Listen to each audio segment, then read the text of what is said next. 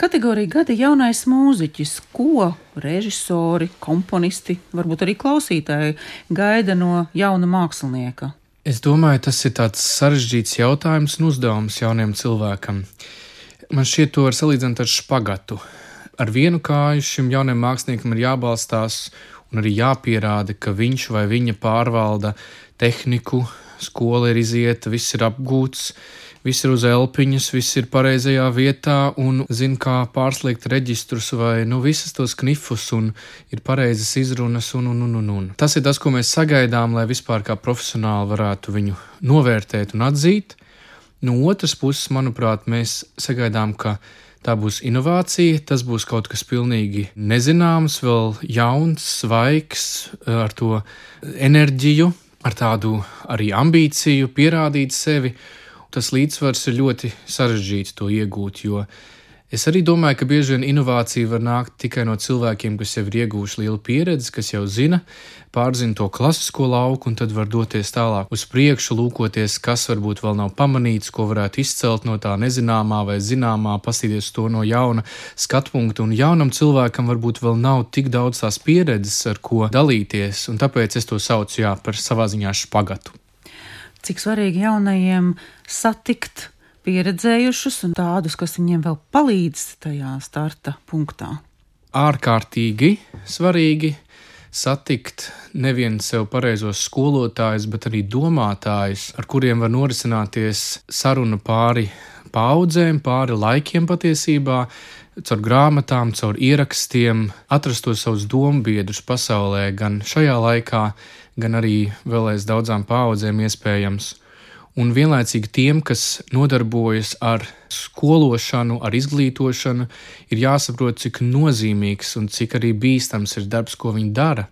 Jo viņi var iedot uh, pamatus, un vienlaicīgi viņi var arī iegrožot un ielikt rāmī, no kur ir grūti tikt laukā. Mēs zinām, cik daudziem ir arī palikušas traumas no mācīšanās procesa, kurus tad vajag izstrādāt gadu laikā.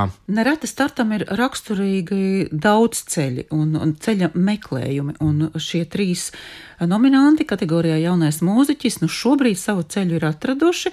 Tā ir dziedātāja Ieva Sumija, kas specializējas senajā mūzikā, trombonists Vadims Dmitrijevs, kas specializējas džēza mūzikā, un dziedātāja Katrīna Paula Felsberga, kas ir mēģinājusi dažādos žanros darboties. Man šķiet interesanti, ka šie trīs jaunie mākslinieki pārstāv katrs savu tādu, varbūt no tādas pamatplūsmas, atšķirīgu mākslas ceļu, jo es teiktu, senā mūzika tas ir kaut kas, kas nu jau Latvijā ir ieguvis tādu stingru savu vietu, bet varbūt ir mazākai auditorijai pazīstams, un, bet arvien vairāk tiek iemīlēts, un, un tas ir skaisti.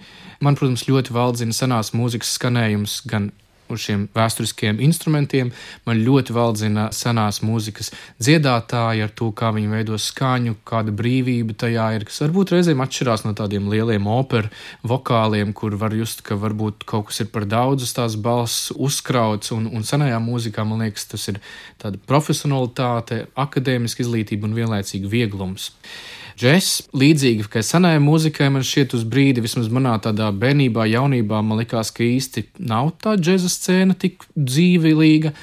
Saukrasu džēza vasaras nometne ir tā kaltuve, kurā tika izkalta manas paudzes džēza e, mākslinieki, daudzie, kurus tik ļoti, ļoti cienu un mīlu.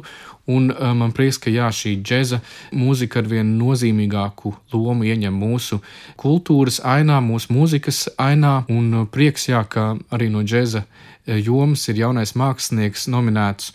Un visbeidzot par Katrīnu Paulu Felsbergu jāsaka, ka, protams, viņa dzied arī Mocartu un, un tādas repertuāram raksturīgāku materiālu, bet es biju tieši klātesošs viņas koncertā Biedrības namā, kurā viņa daudz dziedāja 20. gadsimta tādu avangarda mūziku, tādu, kas iet ārpus klasiskiem, varbūt akadēmiskiem 19. gadsimta rāmjiem. Tas bija ļoti, ļoti aizraujoši un interesanti. Es gribētu citēt viena autora, komponista un režisora Hainera Gēbels tekstu kas man ir ļoti, ļoti nozīmīgs pēdējos gados, ko es pats arī esmu iztulkojis no vācu valodas latviešu valodām, kas ir pieejams skatuves mākslas tulkojuma antoloģijā. Šo tekstu sauc Pētniecība vai arots.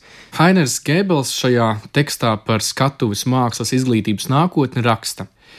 Tas, lai absolventiem uzreiz būtu pieejams atbilstošs darbs teātros un operamos, ir svarīgs mērķis, bet ir bezatbildīgi viņus vienlaikus nesagatavot citai, iespējams nedrošākai un daudz sarežģītākai nākotnē. Un ar katru absolventu paudzi mums draud briesmas leģitimēt un nostiprināt tādu māksliniecisko disciplīnu izpratni, kādu reprezentē institūcijas. Tā vietā mums vajadzētu izglītot atjautīgus jaunos māksliniekus, kuri būtu spējīgi attīstīt paši savu estētiku. Mēs kā pasniedzēji nedrīkstam izlikties, ka zinām, kāda šī estētika būs. Mēs to nezinām. Skatuves mākslas nākotne ir, es ceru, neparedzama. Un, lai sagatavotu studentus šai sarežģītajai īstenībai, mums ir jāpiesaista viņi savai radošajai pētniecībai, kā arī jāveido apstākļi, lai viņi eksperimentētu paši. Un šeit es gribētu teikt, ka Es priecātos, ja tādu balvu jaunajam māksliniekam varētu dot nevis tikai tad, kad jaunais mākslinieks ir jauns, bet visu dzīvi.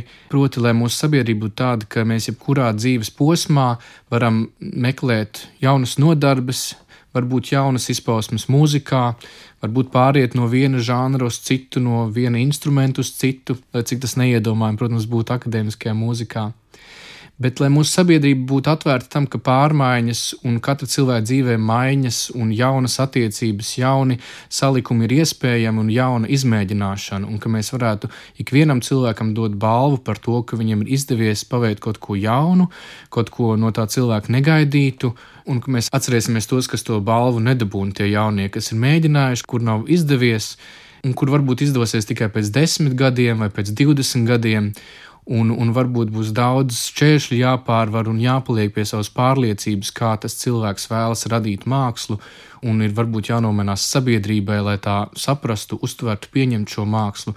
Un ir taču daudz piemēri ar māksliniekiem, kuri tādu savu nozīmi, savu svarīgumu, savu atzīšanu ir ieguvuši vēlākā dzīves posmā vai pavisam vecumdienās. Pirmā, kas man ienāk prātā, protams, ir ģeniālā 20. gadsimta mākslinieca Luisa Buržoā, kur man tā liekas atzina 80 gadu vecumā tikai, kur visu dzīvi bija veidojuši šīs ģeniālās skulptūras. Gan jau es iedomātos vēl citus māksliniekus un, un mūziķus, Mundogu varbūt, varbūt vēl kādu, ja, kur ir ieguvuši savu to atzīšanu vēlā posmā tad es novēlētu, lai gan jaunie mākslinieki neapstātos tad, kad viņi saņem šo balvu vai šo nomināciju, lai viņi zinātu, ka šī nav pēdējā stacija, šī ir pirmā stacija. Tie meklējumi var turpināties visu dzīves laikā, un pagriezieni un satikšanās, un lai tā iedvesma turpināt bagātināties un bagātināt citus, un meklēt jaunus ceļus un atrast jaunus ceļus, lai tas turpinās.